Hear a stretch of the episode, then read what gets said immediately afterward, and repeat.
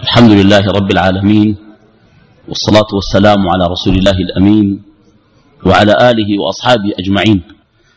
في خاتمة كتاب مدارج السالكين ختمه مصنفه وشارحه الهروي وابن القيم ختماه بالتوحيد.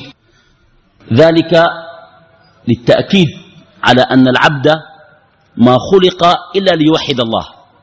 والكثير من العبارات والألفاظ والمعاني التي ينمقها الناس إنما الغرض منها أن تصل إلى مرضاة الله تعالى. والتوحيد أساس الخلق وأعظم قيمة في الوجود فالمولود يؤذن له ويسمع لا إله إلا الله والكافر يدخل الإسلام بالتوحيد. وبالشهادة. ويختمها أيضا بالشهادة. إذا كان مؤمنا موحدا. من كان آخر كلامه من الدنيا لا إله إلا الله دخل الجنة. وقلنا بأن ذو القيم يقول آخر كلامه لأن عند الموت أهوال تطيش العقول وتذهل النفوس وقل من يقول لا إله إلا الله والذي يقولها هو الذي ألفها وعهدها وهو موقن بها. لذلك قال ابن القيم من كان موقنا بلا إله إلا الله ختم له بها. فالتوحيد درجة عظيمة وعالية. كتاب مدارج السالكين يدور حول قضية مهمة وقضية أساسية. القضية التي كان الكتاب يدور ويدندن حولها الوصول إلى مرضاة الله. وهذا الكلام الكثير الذي قيل الغرض منه أن يترجم على أرض الواقع.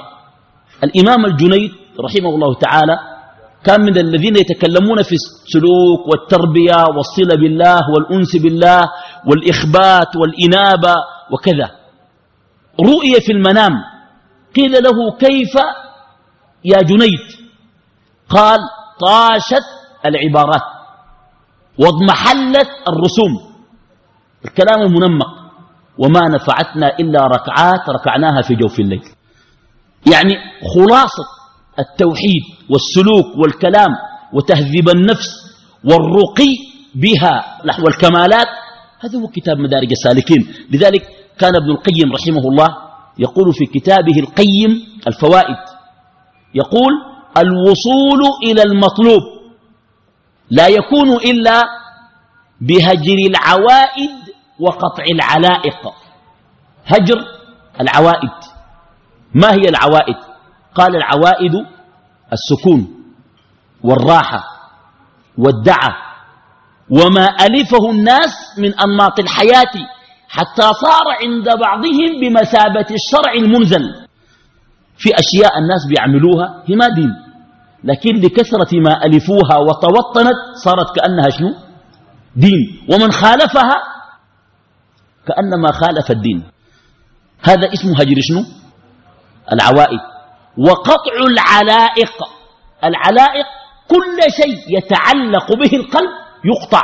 لماذا؟ ابن القيم يقول العلائق عوائق. أي حاجة بتتعلق بها بتعوقك. عوائق عوائق تعرف عوائق؟ عوائق من شنو؟ من التعويق والإعاقة. ويقول لك فلان ده ماله؟ معوق. الإعاقة الحقيقية إعاقة الإرادة بالمناسبة. لقينا ناس عميانين دي إعاقة علماء.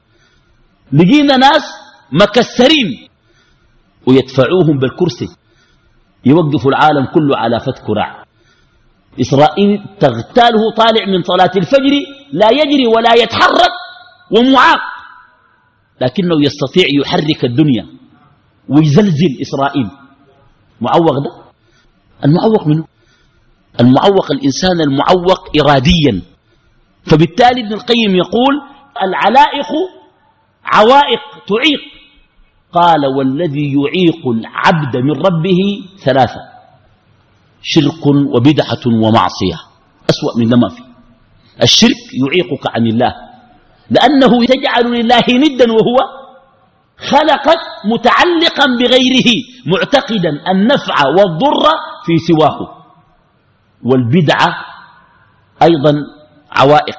وداير أديكم حاجة غريبة جدا في العالم الإسلامي تخلف المسلمون. معلش ده كلام شين لكن لابد نقوله. تخلف المسلمون. فعكسوا الأمور. جمدوا في الدنيا وابتدعوا في الدين. الدنيا. اللي قالوا لهم ابتدعوا فيها. الابتداع في الدنيا كيف؟ ها؟ محمود ولا مذموم؟ محمود. جمدوا في الدنيا. واتكلوا على غيرهم في أي شيء. فيما يلبسون. وفيما يركبون. شفت الزرارة دي؟ جاي من وين؟ جاي من الصين. وفيما يركبون وفيما ينتعلون. يقول لك ده إيطالي ما في كلام. والله أكلمك. فيما ينتعلون. جمدوا في الدنيا وابتدعوا في شنو؟ في الدين.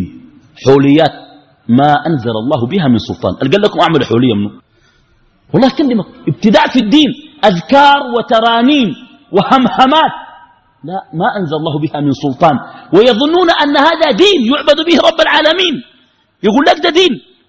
بنوا على القبور ودفنوا الموتى في المساجد. ده كله قال لك أعملوا منه. عكسوا الأمر. جمدوا في الدنيا وابتدعوا في الدين. والصواب أن يبتدعوا في الدنيا. والابتداع في الدنيا إبداع. إبداع. يبتدعوا في الدنيا وما يجمدوا في الدين ولكن يقفوا على النصوص. لأن الدين ما فيه جمود أيضا. الدين فيه مرونة. وليس للناس أن يخالفوا الدين خاصة في أمور العبادات. فالوصول إلى المطلوب لا يكون إلا بهجر العوائد وقطع العلائق. كلام يعني ناس ابن القيم ديل كلام جميل. يقول بين العبد وبين الله والجنة قنطرة. يا إخوان اسمعوا الكلام ده كويس. ده خلاصة مدارج السالكين. التوحيد دي خلاصته. الآن نحن ما كل واحد فينا يدعي التوحيد. كويس؟ والتوحيد كما كرر ابن القيم في المدارج أكثر من مرة التوحيد فرق بين علمه وحاله. شخص يعلم التوحيد ولكنه لا يعايش التوحيد. فالتوحيد عنده عبارة عن مجموعة من النظريات ولكنها ليست نظريات ومعان حقيقية يعيشها هو في نفسه. هذه مشكلة. أحكي لكم حاجة غريبة جدا. أمرات الناس البسطة والعامة بيكون عندهم توحيد عجيب. ففي رجل شغال تاجر كان بيدعو الله يقول شنو؟ شوف بيقول لي الله شنو؟ يقول لي يا الله وشوف نحن أي زول بيسأل الله ما عندنا معه مشكلة. يقول له يا الله رزقي كان في السماء نزلوا لي في الأرض. وكان عسير يسره. وكان بعيد قربه. وكان قريب يفتح جيبه ويقول دخلوا لي في جيبي ده. عليك الله زود ما نجب يا الله رزقي من السماء تنزله. ودخلوا لي في جيبي ده يفتح الجيب يقول لي الله يا الله دخلوا في الجيب ده. ده متأكد إنه بيتكلم مع الله ويعلم إنه ربنا بيدي تب. لي في جيبي ده. والله زول نجد لك. فبالتالي بين العبد وبين الله والجنة قنطرة. تقطع بخطوتين. القنطرة دي خطوتين بس. قال خطوة عن النفس وخطوة عن الخلق. خطوة عن النفس. أصلا لا توحيد إلا باضطهاد النفس واحتقارها بين يدي ربها. وكل من في نفسه أنف وكبرياء وتعالي خالف التوحيد وإن كان من أعبد الناس في ظاهره. لأن الله يريد قلبك ولأن الله يريد روحك أن تكون صافية وخالصة له سبحانه. بين العبد وبين الله والجنة قنطرة. تقطع بخطوتين. خطوة عن النفس وخطوة عن الخلق. الأولى تتجاوز نفسك. لا تستكين لما تحب. ولا تسترسل مع ما تهوى. وأما من خاف مقام ربه ونهى النفس عن الهوى. كما نهيت نفسك عن الهوى أحيانا النفس تجمح. وتشتهي أشياء مباحة. عليك أن تمنعها حتى بعض المباحات أحيانا تربية وتعهدا وتقويما وتأديبا. كيف ستصلح نفسك؟ إخواننا ربنا قال لتسألن يومئذ عن النعيم أي أكل أكلته بيجيبوا لك يوم القيامة؟ أي أكل؟ شفت أي لقمة أكلتها؟ أي حاجة. الدجاج القراريص. كله بيجيبوا لك بيردبوا لك كده. قال لك العبد لما يرى طعام الذي أكله وقد جمع كأمثال الجبال. ما أنت بتأكله بحكاية تمشي. في الدم وعرق وبتطلع ربنا بلما كلها بجيب لك يوم القيامة. يخدها لك كده أنت حس عمرك كم سنة؟ خمسين ستين ثلاثين أربعين؟ مما تولدت.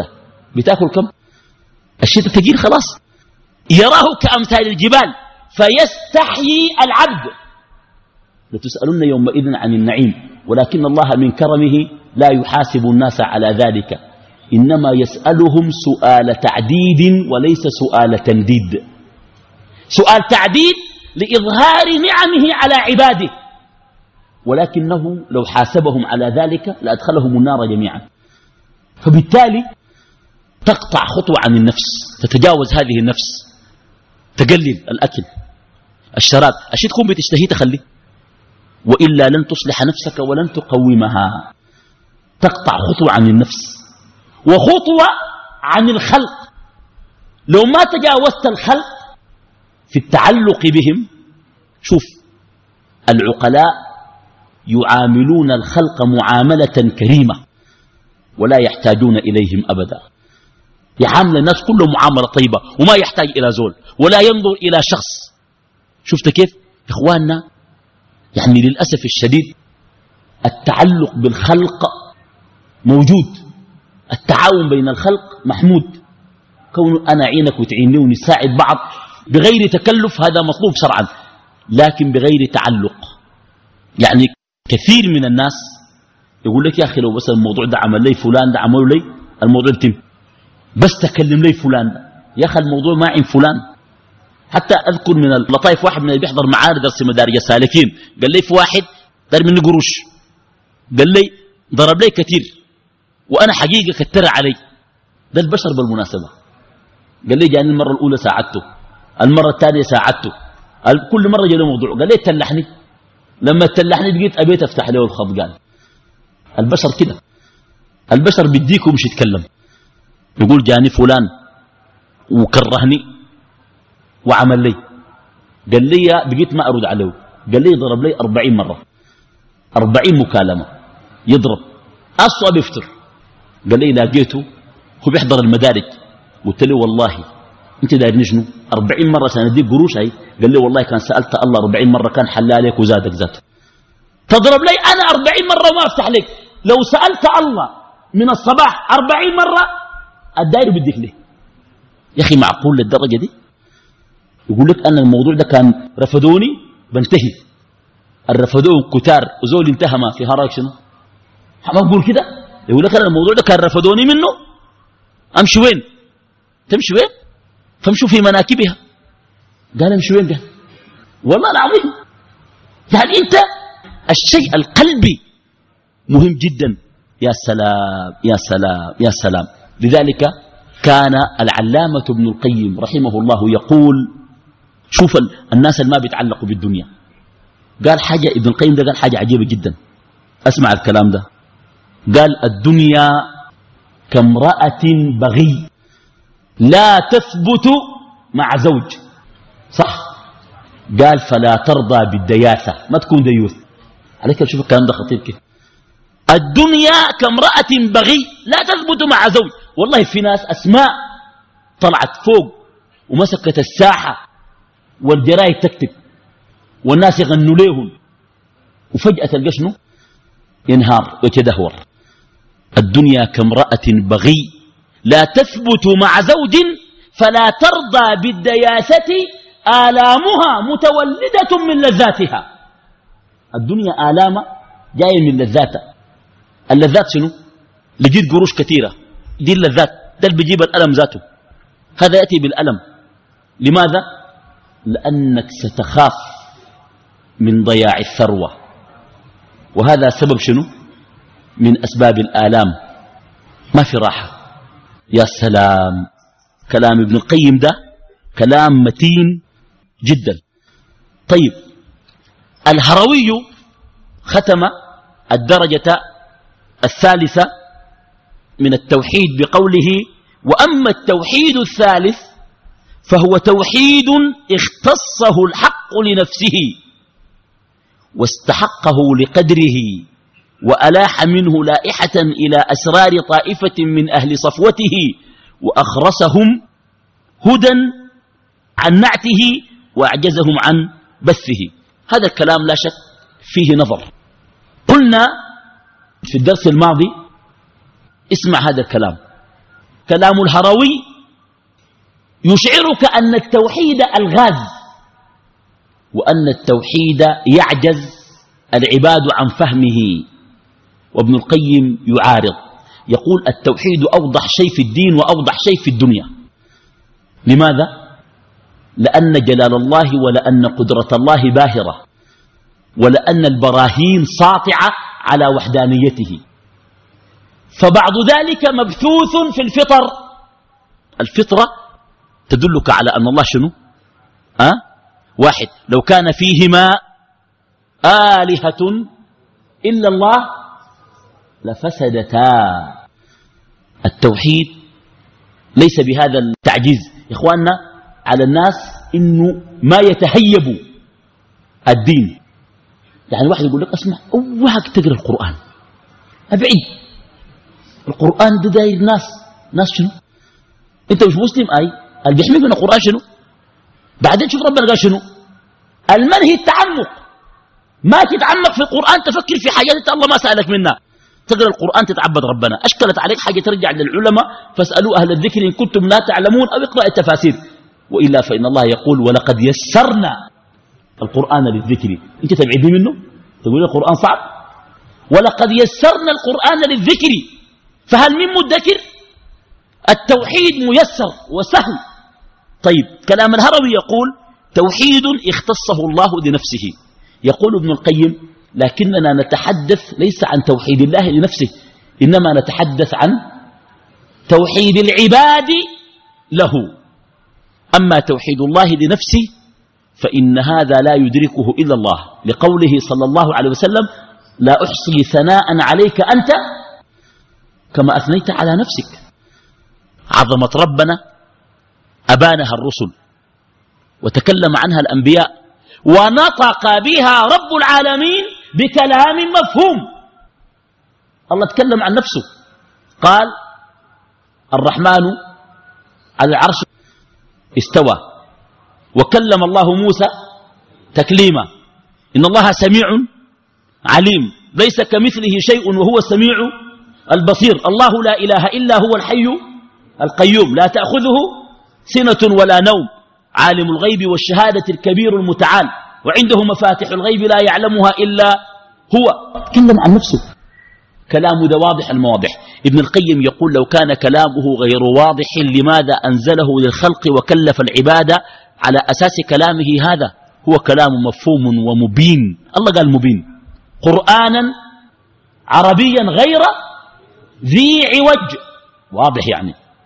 وقال إن هو إلا ذكر وقرآن مبين. مبين. بين. البينات يا أخي ربنا قال سماه بالبينات. بالبينات والزبر.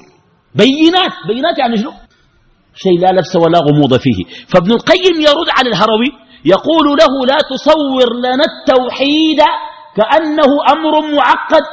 التوحيد أمر واضح. والدليل كل مولود يولد على الفطرة فالصغار أعرف الناس بالله تعالى لأن فطرتهم لم تتلوث بعد.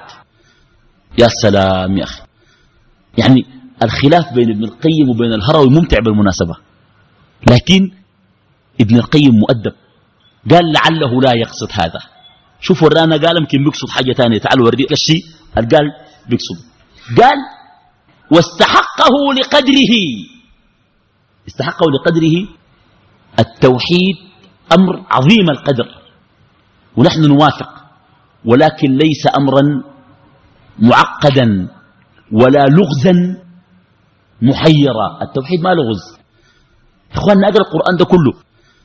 شوف القرآن ده وبالمناسبة يعني أواخر الحشر. قال شنو؟ لو أنزلنا هذا القرآن على جبل لرأيته خاشعا مصدعا من خشية الله وتلك الأمثال نضربها للناس لعلهم يتفكرون هو الله الذي لا إله إلا هو عالم الغيب والشهادة هو الرحمن الرحيم هو الله الذي لا إله إلا هو الملك القدوس السلام المؤمن يكلم عن نفسه تقول كان يتفهم والشيء الصعب الصعب لا يتيسر لكل الخلق توفيقا. التوحيد بالاصطفاء ربنا بيصطفيك تبقى من أهل التوحيد. لكن هو ميسر وواضح الدلالة. لذلك رد ابن القيم عليه هنا. قوله أخرسهم عن نعته أخرسهم عن نعته يعني خلى العباد ما يصفوه. قال ابن القيم هذا ليس صحيح ولكنه لعله يقصد وهذه نقطة مهمة. ليس للعباد أن يصفوا الله من تلقاء أنفسهم وإنما للعباد أن يصفوا الله بما وصف به نفسه وبما وصفته به الرسل لأن وصف الرسل عن الله من الله. صح؟ الرسول عليه الصلاة والسلام قال ينزل ربنا إلى السماء الدنيا. قال بينزل لو ما الله قال له أنا بنزل ما كان قال. فهذا نعت.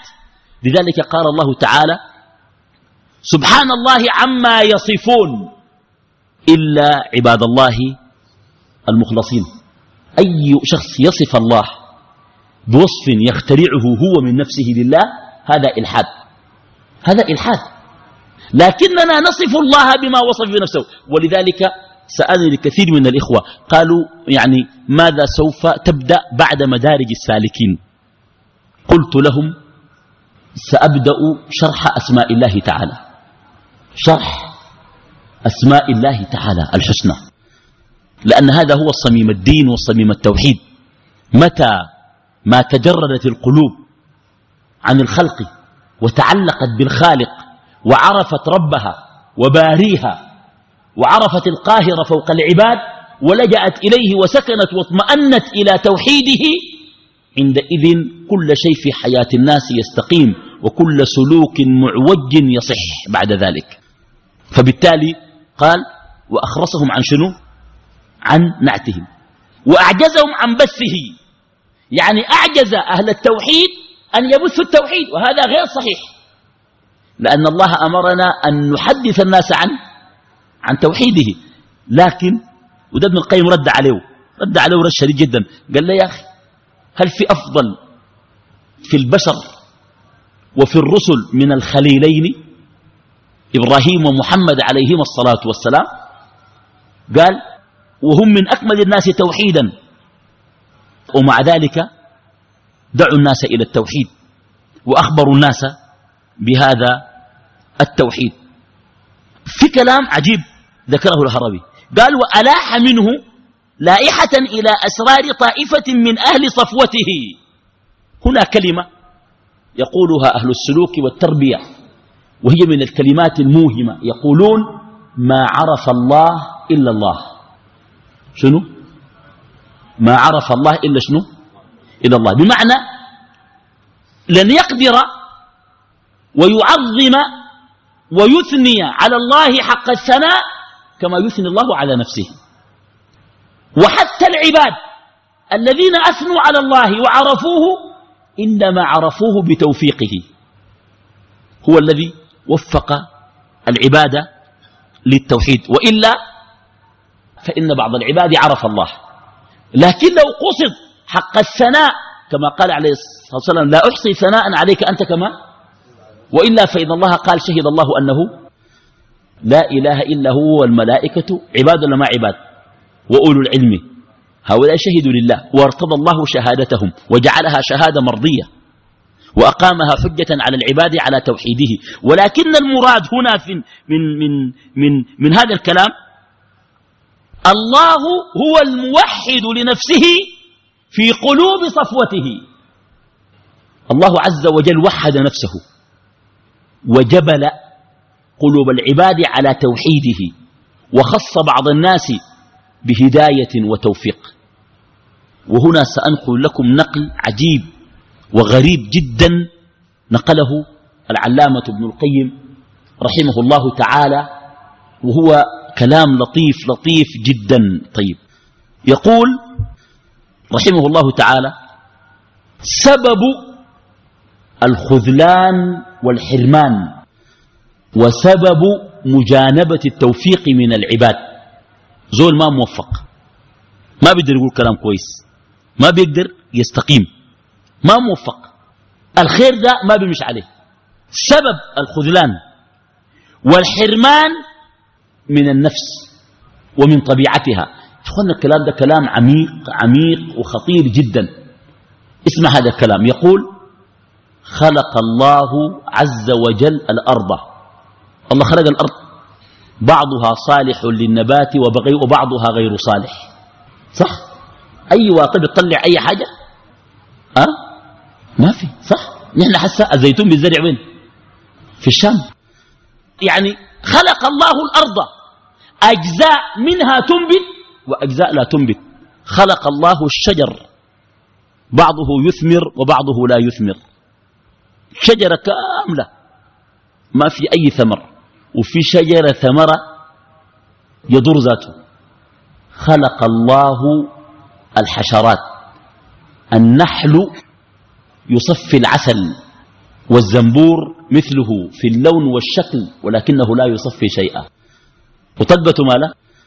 برضو حارة. كويس؟ دخلوا الله ودخلوا الله. هذا مهيأ للعسل. وهذا غير مهيأ للعسل. قال وكذلك النفس البشرية. خلق الله النفوس والأرواح.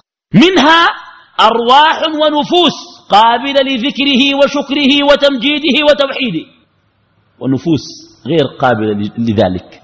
إنما قابلة للغناء والطرب والرقص واللهو والإلحاد والضلال والغواية والانحراف والفساد. وربك يخلق ما يشاء ويختار. والله لكن والله يا إخواننا الكلام ده فعلا أنا واقع عليه تماما. كما أن بعض الأرض تنبت وبعضها لا ينبت وبعض الشجر يثمر وبعضها لا يثمر. وبعض الحشرات تخرج عسلا وبعضها لا تخرج شيئا كذلك النفوس خلقها الله عز وجل والأرواح بعضها قابل لذكره وشكره وعبادته وتوحيده وتمجيده وبعضها غير قابل لذلك. بعض النفوس قابلة للحجة فإذا صادفت الحجة أنبتت كالأرض التي إذا صادفت مطرا أنبتت. وبعضها على العناد والإلحاد والضلال والغي ولا ترى أنها في غي. والله يا إخواننا شيء عجيب. يعني أنا أستغرب. زول حياته كلها وشلته فنانين يغنوا وفنانات كويس؟ وكورة وأندية والقروش. طبعا في ناس ما قاعد يقبلوا كلامي برضه كويس؟ ف دي شغلته بس تخيل. في ناس الجامع جنبه ما يمشي يصلي في الجامع راشم المسجد جنبه. حتى يقول لك يا أخي أنا داير أرحل من المحل دي الناس داير أزعجوني. رأيك فيه شو ده؟ بس ده زي الزنبور. ده زنبور. ما يطلع أي حاجة. والله فعلا الهداية من الله. وسبب الخذلان راجع إلى النفس. قال ربنا قال عنهم شنو؟ قال لو خرجوا فيكم ما زادوكم إلا خبالة ربنا ما دايروا ذاته يطلعوا ما بينفعوا ذاته. نسأل الله السلامة والعافية. كلام طبعا خطير في غاية الخطورة. طيب بعد ذلك الهروي يقول والذي يشار إليه على ألسنة المشيرين. قال التوحيد الثالث ده الناس ما يقدر يتكلموا عنه بس يأشر له ويقولوا في توحيد ثالث ولكنهم لا يستطيعوا التعمق فيه. يا إخواننا ما في دين ربنا بنزله والناس ما يتعمقوا فيه. دين بيكون واضح. الدين بيكون شنو؟ تركتكم على المحجة البيضاء. قال عليه الصلاة والسلام ليلها كنهارها لا يزيغ عنها إلا إلا هالك. أمري في غاية الوضوح. الذي يشار إليه على ألسنة المشيرين أنه إسقاط الحدث وإثبات القدم وعليه أنشد هذه القوافي الثلاث وهي ما وحد الواحد من واحد. إذ كل من وحده جاحد. قال ما في زول وحد الله. كيف؟ كتار وحده. شهد الله أنه لا إله إلا هو الملائكة وأولو العلم. إن عبادي ليس لك عليهم سلطان. إلا عباد الله شنو؟ المخلصين. كيف ما وحدوا؟ توحيد من ينطق عن نعته. عارية أبطلها الواحد. توحيد من ينطق عن نعته. قال أي زول بيتكلم عن ربنا؟ دي عارية العارية الحاجة اللي بيدوك لها بعدين يشيلوها منك. سلفة. أبطلها الواحد. توحيده إياه. توحيده. ونعت من ينعته لاحد. يعني أي زول بينعت ربنا ويصف ملحد. هذا كلام غير صحيح. ليه؟ الملحد من؟ وذر الذين يلحدون في في أسمائه. سيجزون ما كانوا شنو؟ طيب. وذر الذين يلحدون في أسمائه الذين يصفونه بأسماء ليست من أسمائه تعالى وليست من صفاته لكن لو أن شخصا قال الله هو الرحمن الرحيم الملك القدوس السلام المؤمن المهيمن العزيز الجبار المتكبر ده ملحد؟ وين الإلحاد؟ نعت الله بما هو أهله. ووصف الله بما وصف به الباري سبحانه وتعالى نفسه. أين الإلحاد هنا؟ طيب يعني كأنه يقول توحيد الله الحقيقي هو توحيد الله لنفسه. وده كلام طويل كما أسلفنا وذكرنا. طيب يقول الله عز وجل سبحان ربك رب العزة عما يصفون. نزه الله نفسه عن الوصف الذي لا يليق مثل الذين ادعوا لله الصاحبة أعوذ بالله والولد. وقالوا يد الله شنو؟ مغلولة. هذا قال عنه المولى عز وجل سبحان الله عما يصفون. وفي أواخر الصفات قال شنو؟ سبحان ربك. رب العزة عما يصفون. قال وسلام على المرسلين. ليه قال وسلام على المرسلين؟ لأنهم أعظم من نزه الله وأعرف من يتكلم عن الله. عشان ما تقول حتى الرسل ما يتكلموا لا. سبحان ربك رب العزة عما يصفون عما لا يليق من الأوصاف. وشنو؟ وسلام على المرسلين. وبعد ذلك تم كل شيء. لذلك قالوا الحمد لله رب العالمين. يا سلام. كلام جميل. والتوحيد كلام جميل. يقول الهروي ما وحد الله إلا الله وتوحيده إياه توحيده ونعت من ينعته لاحد يعني ملحد. ابن القيم قال ولعل الهروي يقصد بهذا الكلام أن الله وفق العباد لتوحيده. وأن كل توحيد من العباد يتكلمون عنه إنما سلف أسلفهم الله إياها ويسترد ذلك منهم.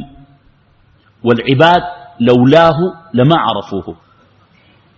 مر علينا في منزلة المعرفة قول الجنيد رحمه الله لما سئل كيف عرفت الله؟ قال لولا ربي لما عرفت ربي. هداني إلى معرفته فعرفته. ولو أنه صرف عني ذلك لما عرفته. يا سلام. دار أحكي لكم حاجة عجيبة يا إخوانا السلف ديل عندهم شيء عجيب. واحد فيهم أذله السلطان.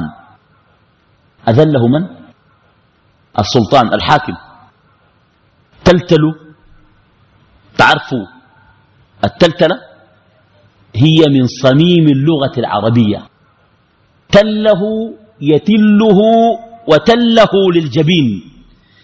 يتل ويتلتله أي يزعجه ويقلقه. كويس؟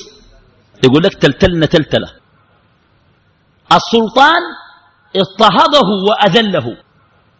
عارف قال شنو؟ يا في ناس ربنا موفق وعندهم توحيد عالي. عارف قال شنو؟ قال لعله. لو مكننا الله لطغينا على العباد فأذلنا ببعض العباد حتى نعرفه وننذل له. حاجة عجيب خلاص. هو شيخ عالم كبير يوقفوه في الصف ويذلوا ويضايقوا. قال ما تقولوا كده انت لو كنت في محله أنت كنت طغير قال لعله لو مكن لنا لطغينا. فصرف الله عنا التمكين وسلط علينا العبادة لنذل له ولنعرفه هو. يا رأيك شنو في الكلام ده؟ في ناس موفقين في الحاجة دي. أي حاجة بيربطوها. بالله واحد تلقاه يمشي ويوقفوه في الصف ويقول له ما في. ويذلوا عسكري. شريط ما عنده. مش ضابط. شريط ما عنده يذلوا لك ذله يطلع ساخط ويسيء وينبذ وما يخلي زول. انت كان الله خلاك في محله كنت بيسوي شنو؟ أنت كنت تطغى ربنا ما دارك تطغى دارك تكون ذليل وأحسن لك تكون ذليل. وإذا طغيت قد لا تعرف الطريق إليه ولكنك إذا ذللت وأهنت واضطهدت عرفت الطريق إليه. يا سلام. كلام جميل.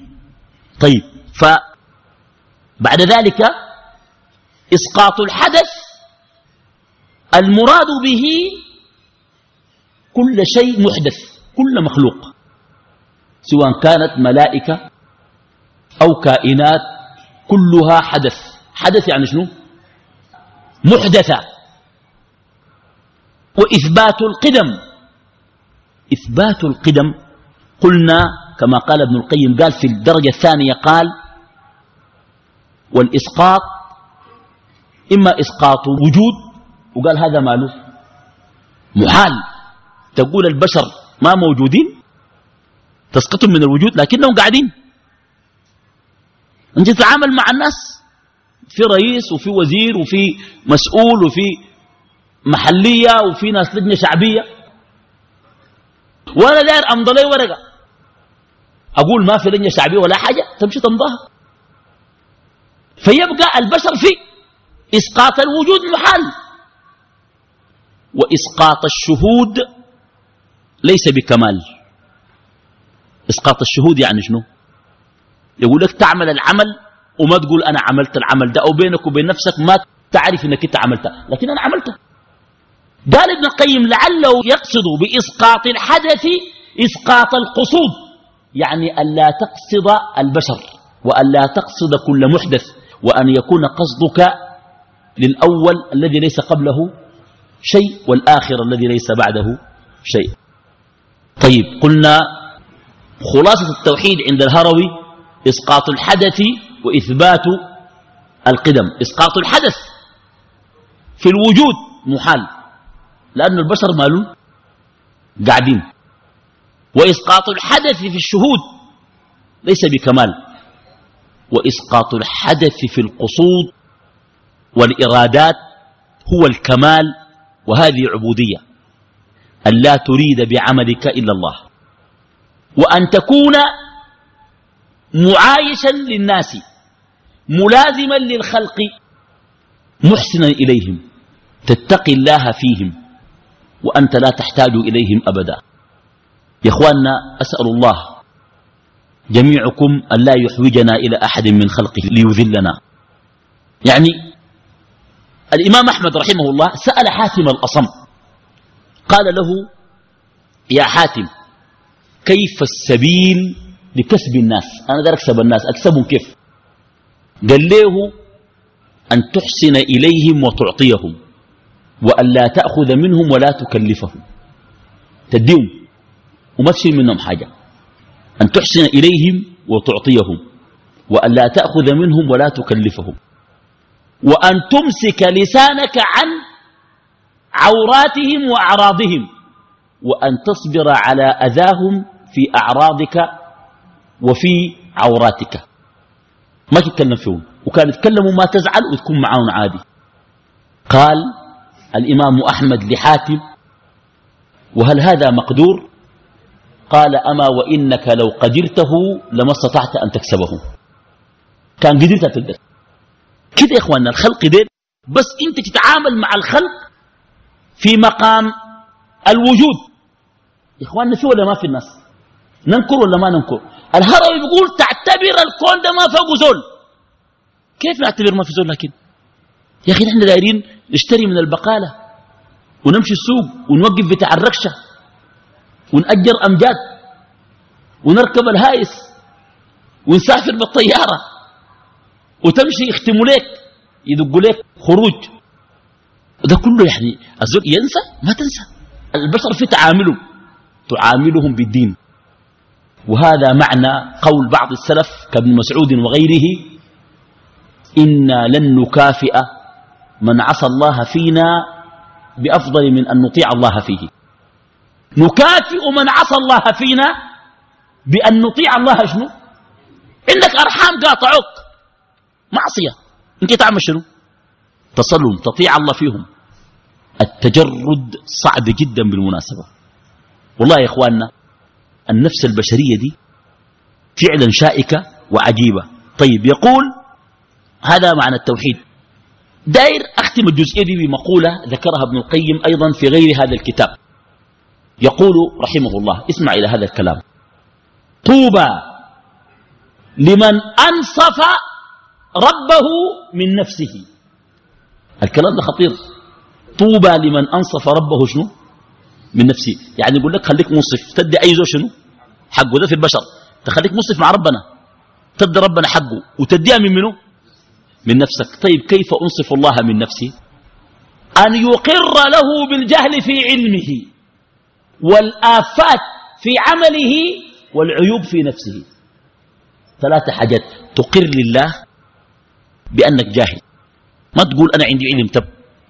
في ناس بيقولوا عندي علم. ولو سألته يقول لك نحن جهلة. لكنه في السلوك بيلزمك تعامله معاملة إنه هو عالم. وكان قصرت معاه يتضايق يدور يموت.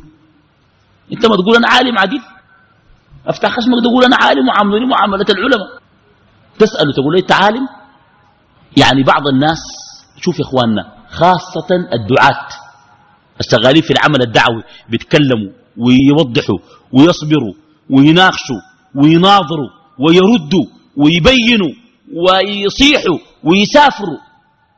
اعتاد من الناس المدح ولذلك الذم يزعجه ويتعبه تعبا شديدا. هذه شعبة من عبادة النفس والركون إليها. شعبة من عبادة النفس. كويس؟ تقول يا أخي أنت خليتهم مالك؟ يقول لك ما بيحترموا العلماء الناس دي.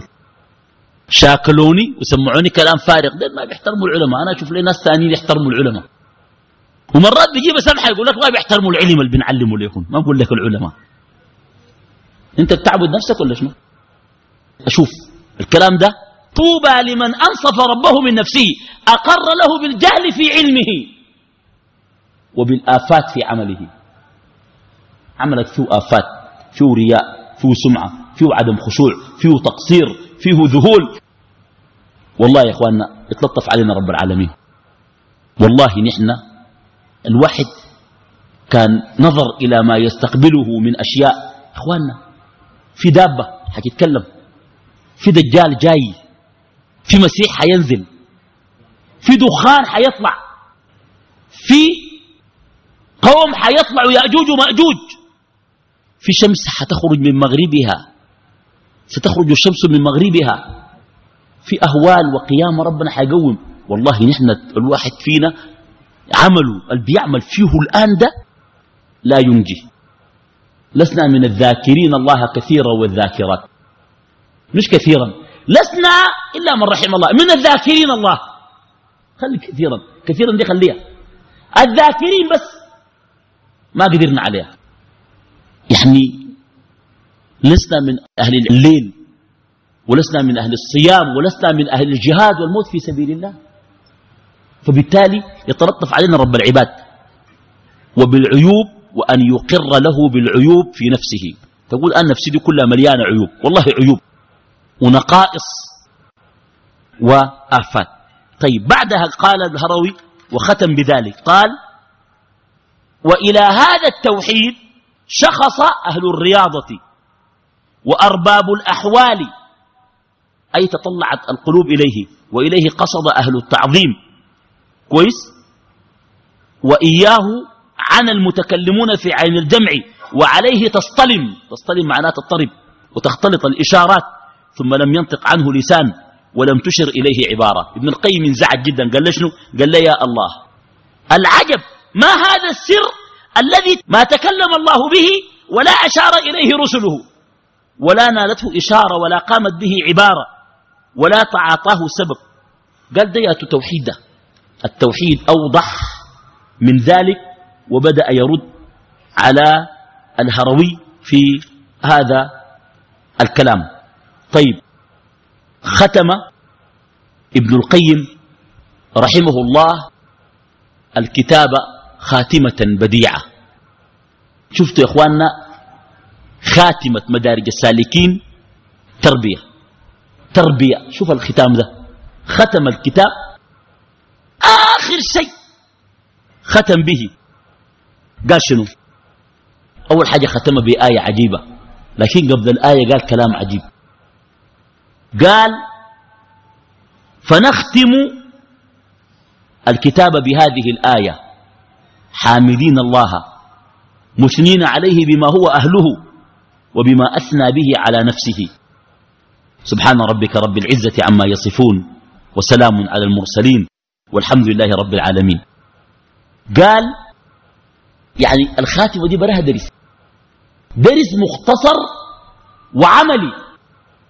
قال نسأل الله أن يوزعنا شكر نعمته وأن يوفقنا لأداء حقه وأن يعيننا على ذكره وشكره وحسن عبادته وأن يجعل ما قصدنا له في هذا الكتاب وفي غيره خالصا لوجهه الكريم ونصيحة لعباده. يا أيها القارئ لك غنمه وعلى مؤلفه غرمه. والله غيرت ابن القيم ده. ابن القيم ده عجيب. قال يا أيها القارئ يا أيها القارئ يعني بقرأ كتابي ده لك غنمه. تستفيد منه وتغنم بالأشياء الفيه وعلي غرمه كل خطأ فيه سأحاسب بين يدي ربي عليه. لك غنمه غنمه. غنم الغنيمة والغنائم. وعلي غرمه الغرامة. الغرم.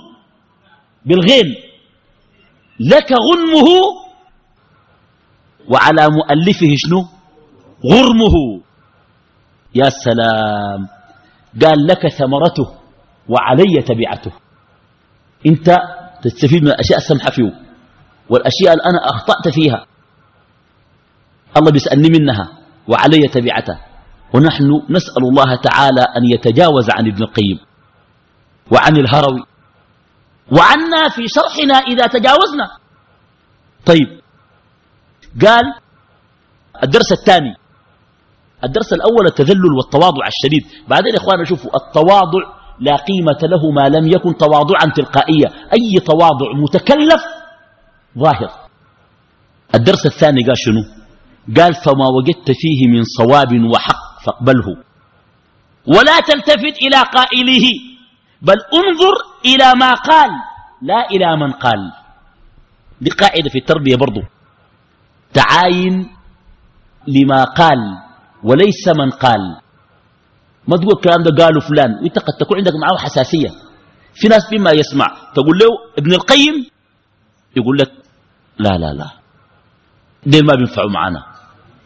تقول له فلان الفلاني يقول لك ما بينفعوا معنا. يا أخي الحق اقبله ولو كان من الشيطان. الرسول قال لأبي هريرة صدقك وهو كذوب. الشيطان قال لي أبو هريرة آية الكرسي بتحفظ من الشيطان. وأبو هريرة ما كان عارف ده الشيطان. مش قال رسول الله يا خنا لاقاني وكذا كذا الثلاثة يوم الحديث المشهور. قال له أتعرف من كنت تكلم يا أبا هريرة؟ قال ذاك إبليس. صدقك وهو كذوب. يؤخذ الحق من أي شخص. يا سلام قال فما وجدت فيه من صواب فاقبله ولا تلتفت إلى قائله بل انظر إلى ما قال لا إلى من قال. قد ذم الله عز وجل من يرد الحق إذا جاءه ممن يبغضه. يا سلام في زول؟ بيكون بيكره زول. كويس؟ هسا أقول لك حاجة المسلمين خليهم. لو واحد من الكفار الآن قال كلام والكلام ده صحيح نقول غلط؟ ولا نقول صحيح؟ بلقيس قالت إن الملوك إذا دخلوا قرية أفسدوها وجعلوا أعزة أهلها أذلة. ربنا قال شنو؟ فذلك يفعلون. أقرها على كلامها لأنه حق بغض النظر عن ممن جاء. وهذه قاعدة شرعية. الحكمة ضالة المؤمن هو أولى بها. أي زول يقول لك كلام ما تقول ده فلان الفلاني وزول بغيط وزول كده لا. اسمع الكلام ده. قال قال بعض الصحابة اقبض الحق ممن قاله وإن كان بغيضا ورد الباطل على من قاله وإن كان حبيبا. لكن ده داير تجرد يا إخواننا. ده داير تجرد شديد. إخواننا والله أنا أستغرب. في ناس ما قادرين يخرجوا أنفسهم من إطار الشهوات. رق الشهوات سيء جدا. يستمعون إلى الأغاني. كويس؟ وينظرون إلى الصور الخليعة والأفلام الرديئة المخلة بالآداب. والغريب الناس بينزلوها بأسماء غريبة جدا. يا يعني تلقاهم منزل فيلم خليع. يكتب عليه شنو؟ كويس؟ يكتب عليه أي حاجة. قرآن كريم. عشان بيكتب عليه كده في الشاشة. انت تقول كده نسمع القرآن الكريم ده. تدوس تفتح القرآن الكريم. تلقى تلقى مصايب. ما بتخاف الله انت؟ اغرب حاجة ما أعرف الكلام ده صحيح ولا ما صحيح. اتصلت بي قالت لي زوجي في الجهاز بتاعه منزل الحاجات دي. وبيتفرج قامت شاكلته قلت لي يا راجل عيب. استحي. اختشي. ولا اللي اختشوا ماتوا؟ اللي اختشوا ماتوا ولا قالوا شنو؟ اختشي. شاكلته. عارف قال لها شنو؟ قال لها ليه ماله الشيء ده حلال لأنه في التلفزيون. لو كان في العلانيه كده ما بجوز لكن في التلفزيون بيجوز قال لها. دي مصوره قال لها ما في حاجة عليك الله ده ما داير دق. يا أخي أنت بتثار ولا ما بتثار؟ فتنة ولا ما فتنة؟ عورات ولا ما عورات؟ كيف يباح لك أن تنظر إليها؟ وقل للمؤمنين يغضوا من أبصاري. وقس على ذلك. كويس؟ الإنسان قلبه ده ما زالت فيه بقايا. يحب الغنى. مرة مرة يقول لك يا شيخنا خلينا نسمع لنا حاجة كده يعني هناي. إخواننا تدير تجرد شديد. قال ابن القيم وما وجدت فيه من خطأ فإن قائله لم يأل جهد الإصابة. يعني اجتهدت أجيب الصواب. قال ويأبى الله إلا أن ينفرد بالكمال وأورد بيت الشعر والنقص في أصل الطبيعة كامن فبنو الطبيعة نقصهم لا يجحد قال يا أخي أنا يا إخواننا كيف يؤصل من الخطأ من خلق ظلوما جهولا؟ يا سلام. ختم الكتاب آخر حاجة بنصيحة. الكتاب كان عن شنو؟ عن السلوك والتربية. قال رحمه الله وعلى المتكلم في هذا الباب أن يكون مصدر كلامه عن العلم بالحق وأن تكون غايته النصيحة لله ولكتابه ولرسوله ولإخوانه المسلمين. وإن جعل الحق تبعا للهوى فسد القلب والعمل والحال والطريق. فإن الله يقول ولو اتبع الحق أهواءهم لفسدت السماوات والأرض ومن فيهن. قال دي قاعدة في السلوك والتربية. قال تتبقى زول مربى تمام تجعل هواك تابع للحق. ما تجعل الحق تابع لهواك. بعد ده قال أختم قال بقول الله تعالى فلذلك فادعوا واستقم كما أمرت ولا تتبع أهواءهم وقل آمنت بما أنزل الله من كتاب وأمرت لأعدل بينكم. الله ربنا وربكم. لنا أعمالكم لنا أعمالنا ولكم أعمالكم. لا حجة بيننا وبينكم. الله يجمع بيننا وإليه المصير. والحمد لله رب العالمين. يا سلام.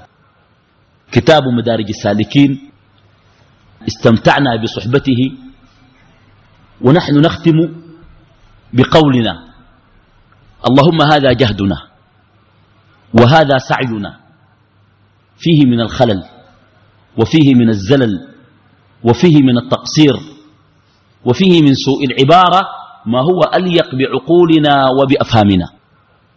اللهم إن العامل يوم أن يتم العمل. فإنه يؤتى أجرته. اللهم قد أتممنا كتابا من كتب السلوك والتربية نريد الأجر منك عتقا من النار وفوزا بالجنة. الزول لما ينتهي من الشغل بيعمل شنو؟ بعد ما يسلم ويشطب بدي حقه. نحن شطبنا لكن تشطيبنا ده فيه تقصير كثير. لكن تكلاننا على الله كبير. وثقتنا فيه عظيمة أحمد الله. أولا وآخرا. الذي وفق وأعان.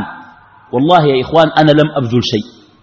وجدت كتاب كتبه علماء وشرحه فطاحل جلست إليه وجعلت أنقل ما فيه للناس فقط. فنسأل الله أن يؤجرنا جميعا الهروي وابن القيم ونحن معهم بمن الله وكرمه وجوده. والحمد لله رب العالمين الذي أتم علينا وأسبغ علينا أن أتممنا هذا الكتاب يوم أن يتم الواحد عمل وينجز عمل من الأعمال يفرح وينشرح ويرجو بعد ذلك أجرا وثوابا. نريد الأجر من الله. نقول أكملنا الكتاب فأتم علينا أجرك يا رب العالمين بما هو أليق بك وبجلالك وبكرمك وغناك وبجودك وإحسانك يا رب العالمين. والحمد لله رب العالمين.